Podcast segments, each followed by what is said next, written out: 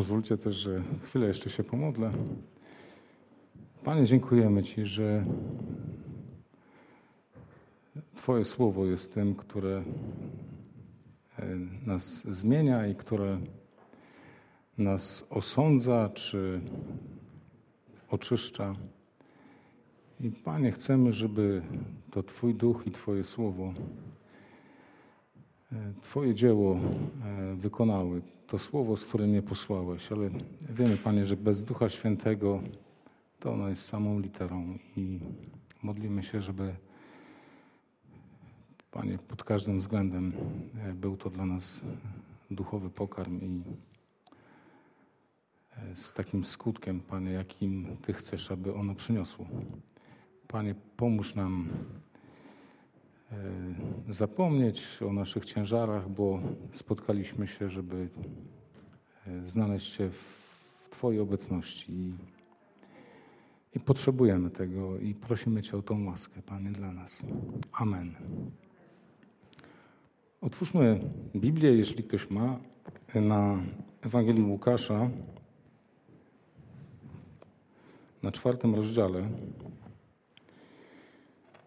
Ewangelia Łukasza, czwarty rozdział od 16 do 30 wersetu.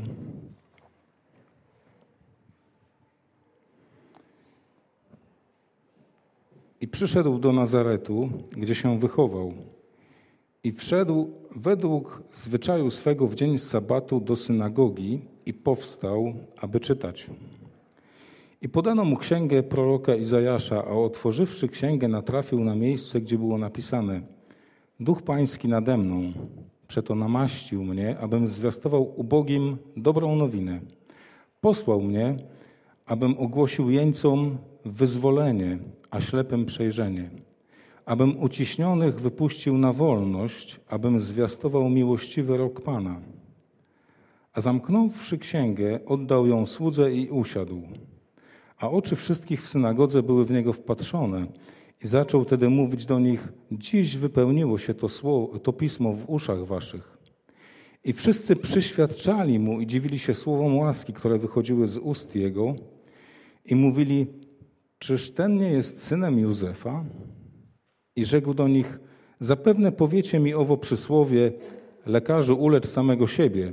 Dokonaj także tutaj, w, w ojczyźnie swojej, tych wielkich rzeczy, które, jak słyszeliśmy, wydarzyły się w Kafarnaum. I rzekł: Zaprawdę powiadam wam, iż żaden prorok nie jest uznawany w ojczyźnie swojej. Prawdziwie zaś mówię wam, wiele było wdów w Izraelu w czasach Eliasza, kiedy niebo było zamknięte przez trzy lata i sześć miesięcy, tak iż był wielki głód na całej ziemi, a do żadnej z nich nie został posłany Eliasz, tylko do wdowy w Sarepcie Sydońskiej. I było wielu trędowatych w Izraelu za Elizeusza proroka, a żaden z nich nie został oczyszczony, tylko Naaman, Syryjczyk. I wszyscy w synagodze, słysząc to, zawrzeli gniewem. Powstawszy, wypchnęli go z miasta i wywiedli go aż na szczyt góry, na której miasto ich było zbudowane, aby go w dół strącić. Lecz on przeszedł przez środek ich i oddalił się. Widać y, dosyć wyraźnie taką kompozycję tego fragmentu. I to jest piękne y, właśnie w Biblii, że można zauważyć takie klamry, które spinają dane wydarzenie, daną historię czy dane nauczanie. I ta klamra zaczyna się właściwie e, w czternastym wersecie. Wcześniej Jezus jest skuszony, opis skuszenia Jezusa na pustyni.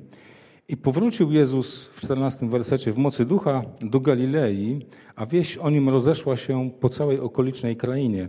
On sam zaś nauczał w ich synagogach, sławiony przez wszystkich. Jezus przyjął chrzest nad Jordanem i wiemy, że to jest początek jego działalności i że wychował się w Nazarecie, o którym tutaj jest mowa, i tą klamrą, która spina całe to wydarzenie, jest ta chwała Jezusa, która rozniosła się po całej Galilei, chwała i sława, jaką przynosiło mu nauczanie. I widzimy, że ta chwała i sława w całej Galilei była przyjęta, ale w Nazarecie, w miejscu, w którym się urodził, była przyjęta zupełnie inaczej. Widzimy tam Jezus, nauczając w synagogach, spotykał się z uznaniem. I ta klamra otwiera się w tym piętnastym wersecie. Mówi, Jezus był chwalony za swoje nauczanie w synagodze, ale kiedy przyszedł do Nazaretu, to co się stało? Był chwalony, tak? Był uznawany, tak? Był podziwiany. Ludzie z Nazaretu dołączyli do chwały całej Galilei, widząc nauczanie Jezusa, słysząc, co mówi o nich bezpośrednio, o tym, co było w ich sercu, jak zareagowali. Powiedzieli: Nie będziesz nas pouczał. Nie będziesz wytykał nam naszych grzechów. Nie będziesz mówił o naszych błędach. Wypchnęli go na wzgórze, na którym stało ich miasto, żeby go strącić w dół. To była chwała, którą otrzymał Jezus w Nazarecie, w którym się wychował. Cała Galilea go podziwiała. Cała Galilea słuchała go.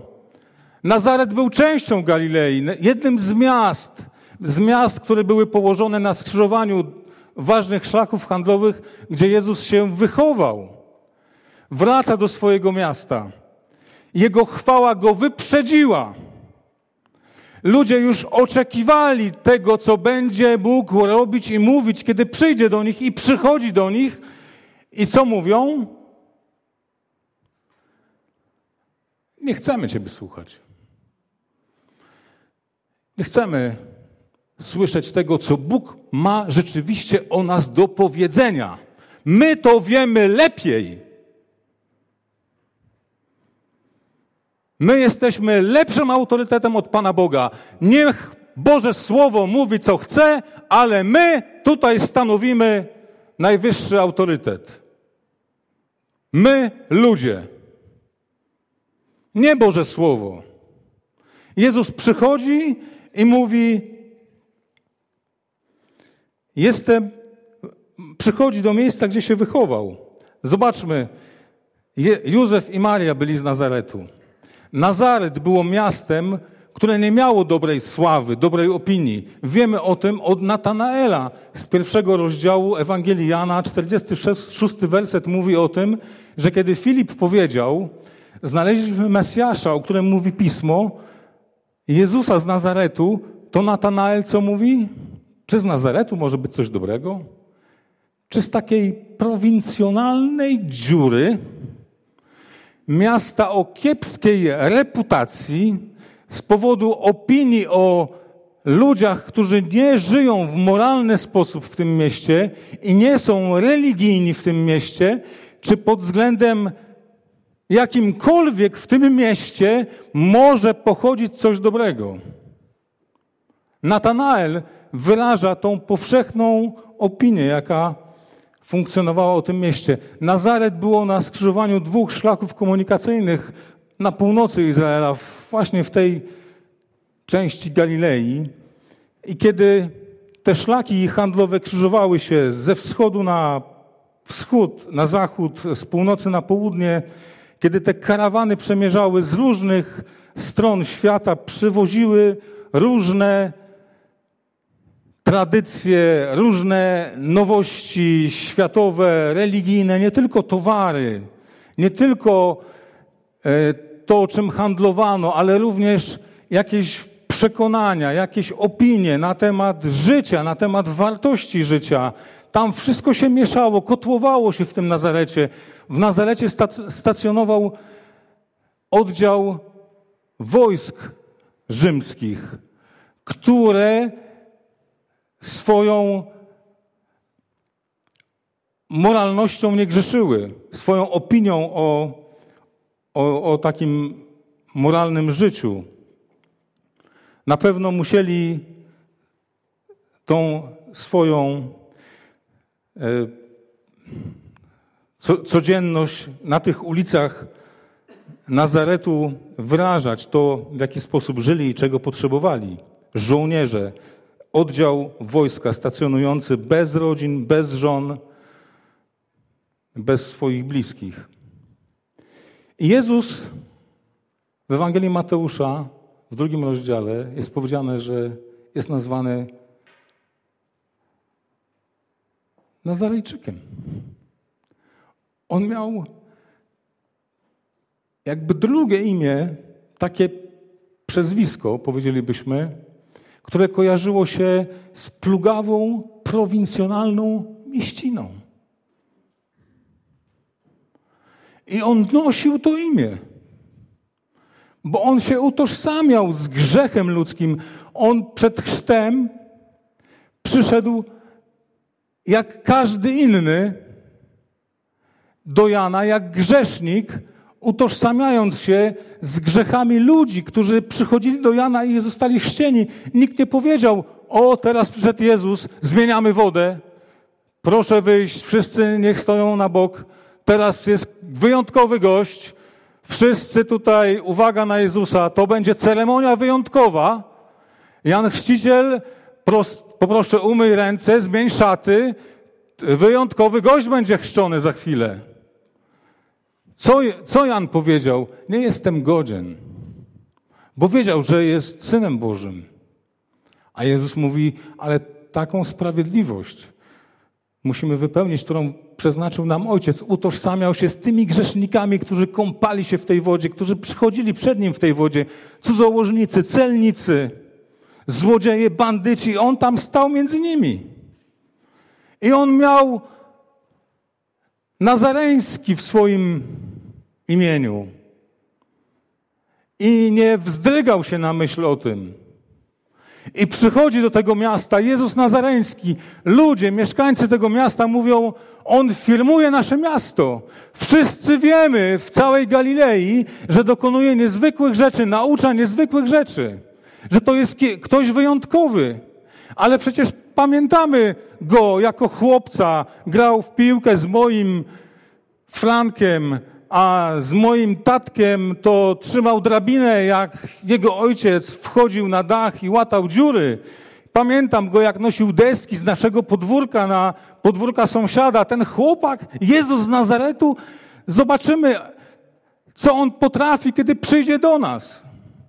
I przychodzi do tej swojej mieściny i pewnie ci ludzie wyrażają taką swoją opinię, tak jak my, kiedy wyjeżdżamy z miasta, może kończymy jakieś szkoły, uniwersytety, zdobywamy jakieś tytuły albo osiągamy cele i ta informacja o tym, co osiągnęliśmy, dociera do tego miasta, z którego wyjechaliśmy przed nami, wracamy i co mówią sąsiedzi? Ty, Sławuś, ja cię pamiętam w wózku. A ty teraz profesorem jesteś, doktorem, a moja Marysia to się z tobą w piaskownicy bawiła. Dlaczego ludzie tak mówią? Nie tylko dlatego, żeby powiedzieć, tyle czasu upłynęło i pamiętam cię, jak byłeś dzieckiem, a teraz jesteś kimś naprawdę szanowanym, wyjątkowym. Nie, nie tylko z tego powodu mówią, że czas tak szybko upłynął i trudno mi uwierzyć, że ty jesteś tym małym Sławusiem. Dlaczego tak mówią? Bo mówią, osiągnąłeś może więcej niż ja, ale sikałeś w majtki, gówniarzu. Jak ja już byłem dorosłym człowiekiem. To jest pewien sposób komunikowania. Ty mi tu nie będziesz świecił swoimi osiągnięciami, bo ja wiem więcej o życiu, bo może nie jestem doktorem, profesorem, prezesem, ale swoje wiem. I taki szczyl, którego pamiętam, tu nie będzie mi ustawiał mojego życia. Nie będzie mi mówił, co jest dobre, a co jest złe. Bo pamiętam Cię z piaskownicy. I to jest ten sposób, kiedy przychodzi Jezus do Nazaretu i mówi, dostaje, wszyscy wiedzą, że naucza że ludzie go podziwiają, dają mu księgę. On usiadł, on nie brał tej księgi, on dostał tą księgę od tego prowadzącego nabożeństwo w synagodze. Dostaje tą księgę, ma werset do przeczytania na dzisiaj. I Bóg to sprawił, że były to takie słowa. Duch Pański nade mną, przeto namaścił mnie, abym zwiastował ubogim dobrą nowinę. Posłał mnie, abym głosił jeńcom wyzwolenie, a ślepym przejrzenie, abym uciśnionych wypuścił na wolność, abym zwiastował miłościwy rok Pana. Księga Izajasza, to są odnośniki podane, 61 rozdział. To był fragment przeznaczony na ten dzień. I Jezus mówi: Wypełniło się to słowo. Jestem posłany przez Ducha Świętego, namaszczony przez Ducha Świętego, namaszczony w Starym Testamencie kapłan był namaszczany w znaczeniu przeznaczony, pomazany olejem. Olej był symbolem Ducha Świętego był symbolem takiego przeznaczenia do konkretnej służby, wyłączenia go z codziennej służby, życia jakiegoś powszechnego. Kapłan przeznaczony był przez namaszczenie do służby przy ofiarach, przy ołtarzu, przy świątyni. Jezus mówi: Duch Pański to sprawił. Nie powołałem siebie, zostałem przez Niego wyznaczony, namaszczony abym w konkretnym celu, i mówi, abym zwiastował ubogim dobrą nowinę. Posłał mnie, abym ogłosił jeńcom wyzwolenie, a ślepym przejrzenie, abym uciśnionych wypuścił na wolność, abym zwiastował miłościwy rok Pana. Co on powiedział? On powiedział same błogosławieństwa. On mówi ubogim, czyli tym, którzy w Ewangelii Mateusza czytamy: Ubodzy w duchu, błogosławieni jesteście ci, którzy nie macie duchowych skarbów przed Bogiem, duchowych zasług, duchowych chlub. Po prostu jesteście puści duchowo. Przed Bogiem jesteście ubodzy. Wasz, tak w obrazowy sposób powiedzielibyśmy, wasz kielich jest pusty. Nie ma waszej sprawiedliwości, nie ma waszej czystości przed Bogiem. Ty musisz ją dostać od Boga, ale kielich musi być pusty, żeby Bóg nalał swoją sprawiedliwość do niego. I on mówi: Błogosławiony jesteś, człowieku, jeżeli bez własnej sprawiedliwości przychodzisz z tą potrzebą otrzymania jej od Boga, to Ewangelia jest dla ciebie. Ale musisz uznać tą swoją niezdolność, ubogość, nędzę duchową. I, I mówi: Przychodzę z tym, żeby ci ją dać żeby Cię obdarzyć Bożą sprawiedliwością, żeby wybaczyć Ci grzechy. Miłościwy rok łaski Pana to jest odniesienie do Starego Testamentu co 50 lat. W Izraelu było prawo, że wszystkie długi bywały darowane. Jeżeli ktoś musiał oddać się w niewolę za długi do kogoś innego, to został zwalniany z tej niewoli. Jeżeli ktoś sprzedawał swoją ziemię z powodu długów, to ta ziemia wracała do niego. Ludzie wracali do swoich domów, wracali do swoich pól, do swoich posiadłości, bo pięćdziesiąty rok był rokiem, rokiem kasowania, zerowania wszystkiego. I Jezus mówi: Przychodzę powiedzieć Wam, że Bóg Wam daruje wszystko. Nie ma nic na Waszym koncie. Przychodzę z tym błogosławieństwem. I oni słyszą te słowa i mówią, to są słowa łaski. Oni mówią, czujemy, że to jest miłość Boża w tym, w tym przesłaniu i w Twoim przyjściu. Ale nie chcą tego przyjąć. Tylko łechczą swoje us, us, uszy jakąś zapowiedzią tego, co mogą otrzymać, tego, kim jest Bóg, co może im przynieść, co może im dać, ale nie chcą tego przyjąć. Dlaczego nie chcą? Bo mówią, pamiętam cię, jak grałeś w piłkę z moim Krzysiem. Ty będziesz mi mówił, że Bóg cię namaścił? Ty będziesz mi mówił, że przynosisz Ewangelię, że przynosisz wybawienie? To była przeszkoda w ich sercach, w ich, w ich umyśle. Dlaczego oni mieli taką postawę? Dlaczego to był Nazaret? Dlaczego inne miasta galilejskie nie reagowały w ten sposób? Dlaczego prorok we własnej ojczyźnie nie jest uznany, a w innej jest? Dlaczego? Dlatego, że to jest ukryta pycha ludzka w tym, że Ty jesteś z naszego miasta. To my jesteśmy tymi, którzy Cię tutaj wychowali. To my jesteśmy tymi, którzy jesteśmy nad Tobą. Tak naprawdę nie będziemy prosić Ciebie o coś, bo my jesteśmy tutaj od zawsze. A Ty masz dopiero 30 lat. Nie będziesz pouczał przełożonego synagogi, który wychował dorosłe dzieci i nie będziesz mu mówił, co ma zrobić teraz przed Bogiem. Bo Ty jesteś dla nas chłopcem, który tutaj wyrastał.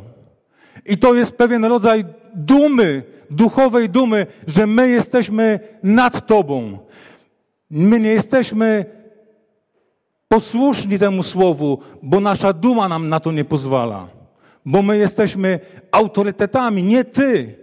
Kiedy Jezus wprost mówi o tym w Ewangelii Marka, o tym samym fragmencie, to mówi, gorszyli się nim. Gorszyli się, czyli co? Oburzali się, a tak naprawdę powiedzielibyśmy, podważali jego autorytet. Podważali jego autorytet. Oni mówili, chłopcze, zachowaj dla siebie swoje mądrości. Nie jesteś dla nas autorytetem, tak naprawdę. I to jest powód, dla którego nie byli w stanie przyjąć tego, co Bóg miał do nich, z czym przyszedł do nich. Kiedy widzimy ich, że wydaje się, są zachwyceni. Pierwsze wrażenie jest taką euforią może, w jakimś, jakimś takim entuzjazmem. Słyszymy słowa łaski. Coś w tym Jezusie jest. I oni oczekują, że On będzie budował ich pychę, a On mówi o ich grzechach. On mówi, nie jest prorok w swojej ojczyźnie uznany. Zaprawdę powiecie mi, lekarzu, ulecz samego siebie. Jeżeli dokonałeś tych rzeczy, o których słyszeliśmy w Kafarnaum, a w Kafarnaum to akurat Łukasz umieszcza po tym wydarzeniu te e, uzdrowienia z Kafarnaum, ale wszyscy inni oprócz Jana, bo Jan tego nie pisze, umieszczają wcześniej wydarzenia z Kafarnaum jako na początku służby Jezusa, chociaż i tak tutaj jest początek, ale te wydarzenia z Kafarnaum to było uzdrowienie, e, wypędzenie demona z człowieka w synagodze, to było uzdrowienie teściowej Piotra, to było potem przynoszenie wielu chorych, dręczonych przez demony, przez różne choroby do domu Szymona w Kafarnaum. To było wiele świadectw Bożej mocy i oni mówią: Jesteś namaszczony przez ducha? Pokaż. No, prezentuj swoją moc. My będziemy to oceniać. To my się wypowiemy na temat Twoich duchowych kompetencji.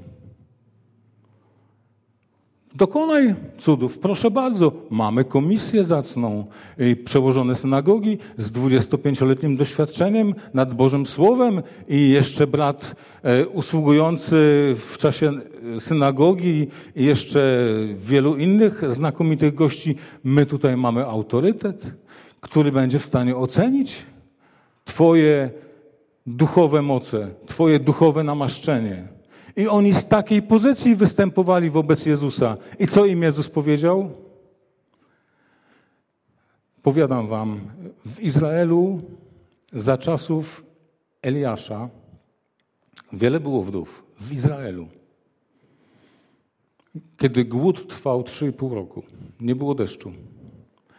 Ale Bóg karmił jedną w czasie tej posłuchy. Wdowę z Sarepty Sydońskiej. Brrr. Izraelita jakby to usłyszał. Nie wspominaj mi o takiej sytuacji. Dlaczego? Sydon to była stolica bałwochwalstwa i uwielbiania Baala. Sydon był królestwem z którego król Achab wziął sobie żonę Izebel i postawił, bo świątynia Baala była w Sydonie, no to zrobimy taką świątynię w Izraelu, powiedział król Achab. I sprowadził bałwochwalstwo, czy rozwinął bałwochwalstwo właśnie z Sydonu na Izrael król Achab. I to, była, to był jego wkład w bałwochwalstwo dla Izraela. Mało tego, postawił te posągi Aszery, uprawiał ten kult. Jest napisane, że uczynił więcej obrzydliwości i zgorszenia ten król Achab za czasów właśnie Eliasza i tej, tej wdowy, więcej niż poprzedni wszyscy królowie. I Sydon kojarzy się z bałwochwalstwem. I Bóg posyła proroka Eliasza do Sarepty Sydońskiej, do pogańskiej wdowy, do tej, która żyje w bałwochwalczym narodzie, w bałwochwalczym kulcie i przez trzy i pół roku karmi ją w cudowny sposób. I Izajasz mówi, czy to oznacza, że w Izraelu nie było wdowy do karmienia? Nie. Podaję drugi przykład. Nie wiem, czy gorszy, czy lepszy. Mówi, wielu było trędowatych za Elizeusza. W Izraelu. Ale Bóg uzdrowił jednego. Izraelitę? Kogo? Rabina? Przełożonego synagogi? Jakiegoś zacnego obywatela Izraela? Króla Izraela? Kogo Bóg uzdrowił? Z trądu. Generała syryjskiej armii, największego wroga w tym czasie Izraela, który napadał Izraela z północy, największy jego przeciwnik, który pustoszył Izraela, generał Naaman, dostąpił uzdrowienia. Dlaczego? Dlaczego Jezus pokazuje Nazarejczykom te dwa przykłady? Uświadamia im, że nie ich urodzenie, nie ich przynależność do narodu izraelskiego predysponuje ich automatycznie do otrzymania Bożych błogosławieństw. Że to nie działa w taki sposób.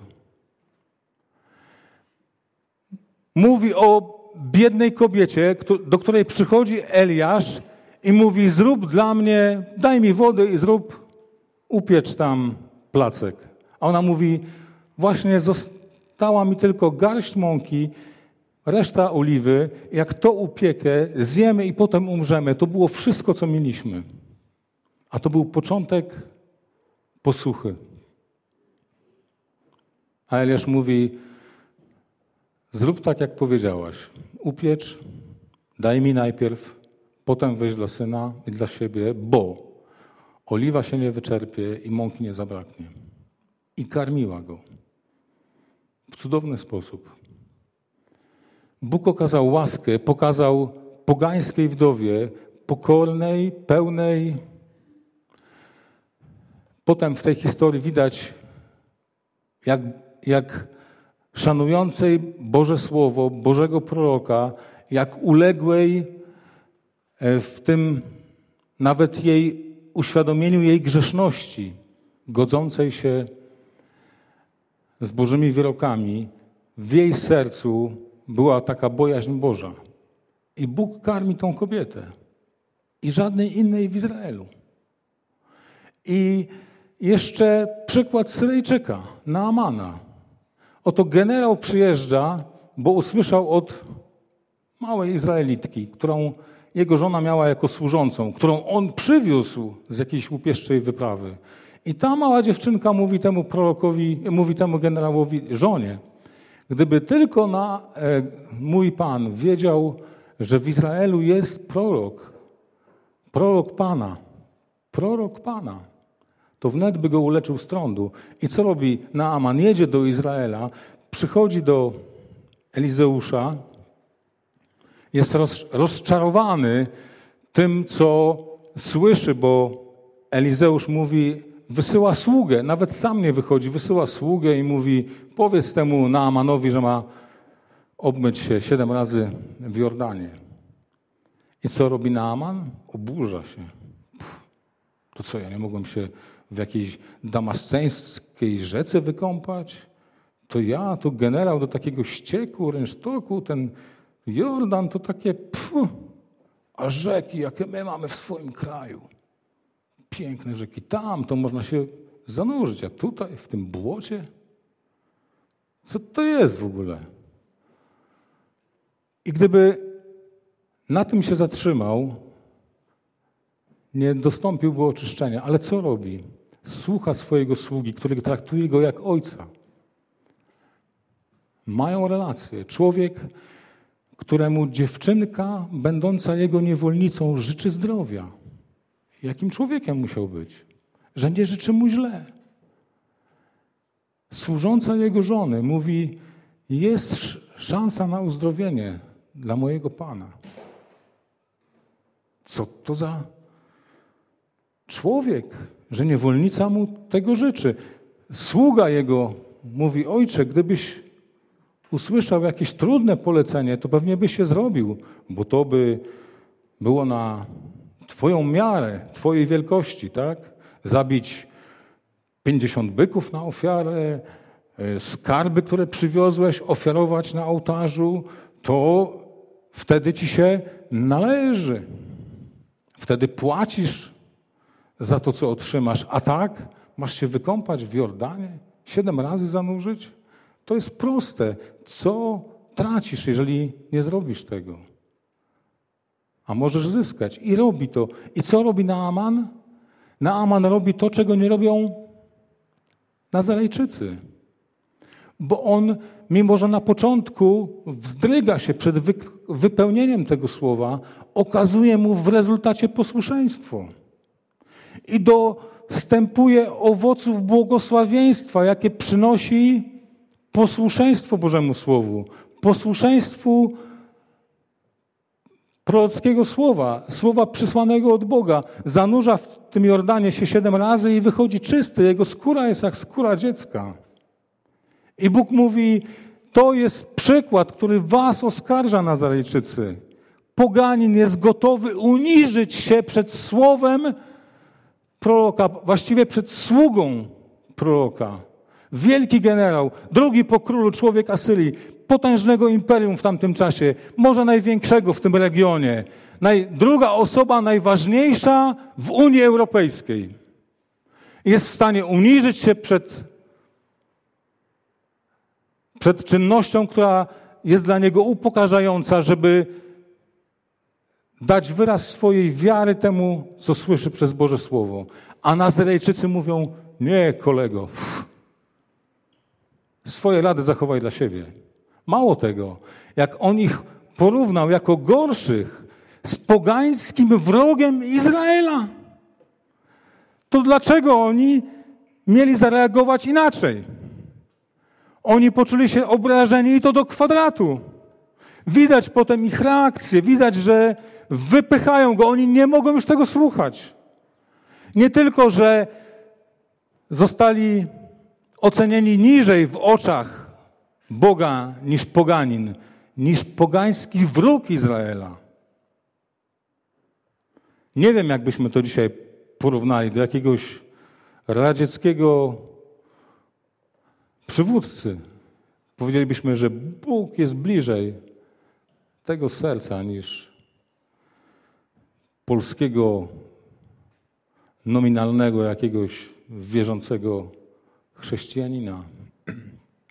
Obraza, obraza majestatu. I wypychają go. To jest, kochani, niestety nie tylko praktyką Nazarejczyków. Pomyślmy, kiedy Bóg przychodzi do nas ze swoim słowem i mówi: To słowo nie rób tego grzeszniku. Przyjdź, obmyj się we krwi Chrystusa. Nie plotkuj, nie obmawiaj. Nie popełniaj takich grzechów czy innych grzechów. A my mówimy, a co ty mnie będziesz pouczał? To mówimy, Panie Jezu, Za chwilę jest skarpa. Jeszcze jedno słowo. Nie będziesz mi tutaj porządku w moim życiu robił. I co to oznacza? Moje życie się nie zmienia. Zamykam się na słowo, które przynosi Bóg, przynosi, żebym mnie pobłogosławić tym słowem. Jeżeli je posłucham, jeżeli je wykonam, jeżeli je wypełnię, ono zmieni moje życie, a ja mówię, ale o tym to ja nie chcę słyszeć. W tej dziedzinie to wara mi tutaj klocki przestawiać. Ja decyduję o porządku. Czy to jest to, czy tamto, coś w moim życiu. My zachowujemy się podobnie. I jeżeli to słowo nas nie zmienia, to nie jest wina Boga. Jeżeli walczymy z jakimiś swoimi przywarami, z jakimiś grzechami nie jesteśmy w stanie uporać się od lat, to dlatego, że nie chcemy tam tego porządku, który Bóg, przynosi i Bożego porządku. Mamy swój. Lubimy ten smrodek. Lubimy te kiszące się opary, bo to jest nasze. I tak cieplutko, i milutko, i swojsko. Ale Bóg mówi, poganin otrzyma błogosławieństwo. Zamykasz się. Zamykasz się na Boże miłosierdzie, na Boże przebaczenie, bo z tym Jezus przychodzi. Mówi: uznaj swoją grzeszność. Bóg cię oczyści, daruje wszystko, jeżeli wyznasz to przed Nim, jeżeli upokorzysz się przed Nim. Ile razy jest pokazane w Biblii, że ludzie przychodzą do Jezusa po uzdrowienie z postawą pokory, uniżenia. Oni nie mówią, to inni, o nim, inni najwyżej o nich mówią, że na coś zasługują. Przychodzi setnik w Kafarnaum, rzymski dowódca oddziału wojskowego do Jezusa, żeby uzdrowił jego sługę. Oficer bałwochwalczego narodu, gdzie wielobóstwo kwitnie, bałwochwalca pierwszej wody, najeźdźca, przychodzi, prosi Jezusa o uzdrowienie swojego sługi, uniża się, on uznaje w nim Mesjasza, on uznaje w Jezusie w cieśli z Nazaretu tego, który jest w stanie dokonać słowem uzdrowienia jego sługi. I w tym uniżeniu otrzymuje Boże błogosławieństwo. I wiele razy widzimy ludzi, którzy przychodzą w uniżeniu, a nie w oczekiwaniu, w żądaniu, w mówieniu mu, ty możesz to zrobić, ale na moich warunkach. Ze względu na moje zasługi, ze względu na więzi, jakie nas włączą. No tutaj e, po sąsiedzku, Panie Jezu, no ja Twoim jestem kumplem niemalże, od, bawiliśmy się od, od lat, no to chyba możesz uzdrowić moją mamę albo kogoś. Mamy tutaj jakieś powody, dla których możemy oczekiwać Twojej pomocy. Jeżeli mamy takie nastawienie, to jesteśmy do Nazarejczyków podobni. Bo oni właśnie mieli taką postawę. Ty nam pokaż, co możesz zrobić, a my będziemy nad Tobą autorytetem. I my w kościele jesteśmy właśnie często tacy. Boże Słowo przychodzi do nas. Proste Słowo. Może nas zmienić, jeżeli je przyjmiemy. A my je po prostu potrafimy powykrzywiać, jakichś wyjątków naszukać, zamiast zaufać Mu, jeżeli właśnie przynosi prawdę do nas, do naszego serca. Jezus przychodzi do nas, aby zwiastować ubogim dobrą nowinę. Czy jestem ubogi? Jeżeli nie, to nie przychodzi. Jeżeli przychodzi jeńcom ogłosić wyzwolenie, to znaczy, że czy więzy grzechy, grzechów krępują moje życie. Jezus przynosi wolność od tych więzów. Jeżeli nie, to nie jest to dla mnie. Ślepym przejrzenie, ślepym z powodu cielesności, własnej grzeszności. Jeżeli myślę, że widzę wszystko dobrze, że rozumiem wszystko dobrze, że nawet Boga jestem w stanie sklasyfikować, czy ma dobrą władzę, czy nie ma, czy słusznie działa, czy niesłusznie, co ma robić, a czego nie ma robić. Jeżeli jestem takim człowiekiem, to nie przychodzi do mnie Jezus. Jeżeli uważam, że nie potrzebuję miłościwego darowania wszystkich win z łaski, jeżeli mam powody do tego, żeby oczekiwać Bożego miłosierdzia, Bożej przychylności, to nie przychodzi Jezus do mnie. Ciekawy przykład jest w Ewangelii Mateusza w dziewiątym rozdziale, kiedy Jezus uzdrawia córkę Jaira i w tym czasie jakby napatoczyła się ta kobieta chora na krwotok i powstrzymuje Jezusa przed uzdrowieniem tej córeczki Jaira. Jair, przełożony synagogi. Przełożony synagogi. W tamtych czasach synagoga była centrum życia kulturalnego, oświatowego, religijnego. To był taki prawie burmistrz. Przełożony synagogi przychodzi i co robi? Upada do Jezusa. To jest to, czego nie mieli Nazarejczycy. On uznaje go za tego, który może przynieść uzdrowienie. Oni nie. On tak. Przełożony synagogi. Upada do Jezusa i prosi o uzdrowienie córki. I kiedy Jezus jest zatrzymany przez tą kobietę w trakcie tego całego zamieszania, przychodzą i mówią: Nie trocz nauczyciela, córeczka zmarła. Córeczka miała 12 lat. Zmarła i co? I tam, kiedy człowiek umiera w tym klimacie, tego samego dnia jest pogrzeb. Są uroczystości pogrzebowe. I już zaczęły się uroczystości pogrzebowe. Już są płaczący, już są fleciści. E, przełożone synagogi to była osobistość. Widzimy, że jest tłum. Ujrzał flecistów zgiełkliwy tłum. Marek pisze, że było tam wiele płaczących. Płaczki to też były osoby, które zawodowo trudniły się okazywaniem żalu w taki głośny sposób, opłacane były z tego powodu i mówiły w ten sposób o miłości i stracie tego, który odchodził. Ten bogaty przełożony synagogi mógł zapłacić tłumowi flecistów, tłumowi płaczek, które przychodzą i tam wylewają swoje, swoją, swój żal, swoją miłość.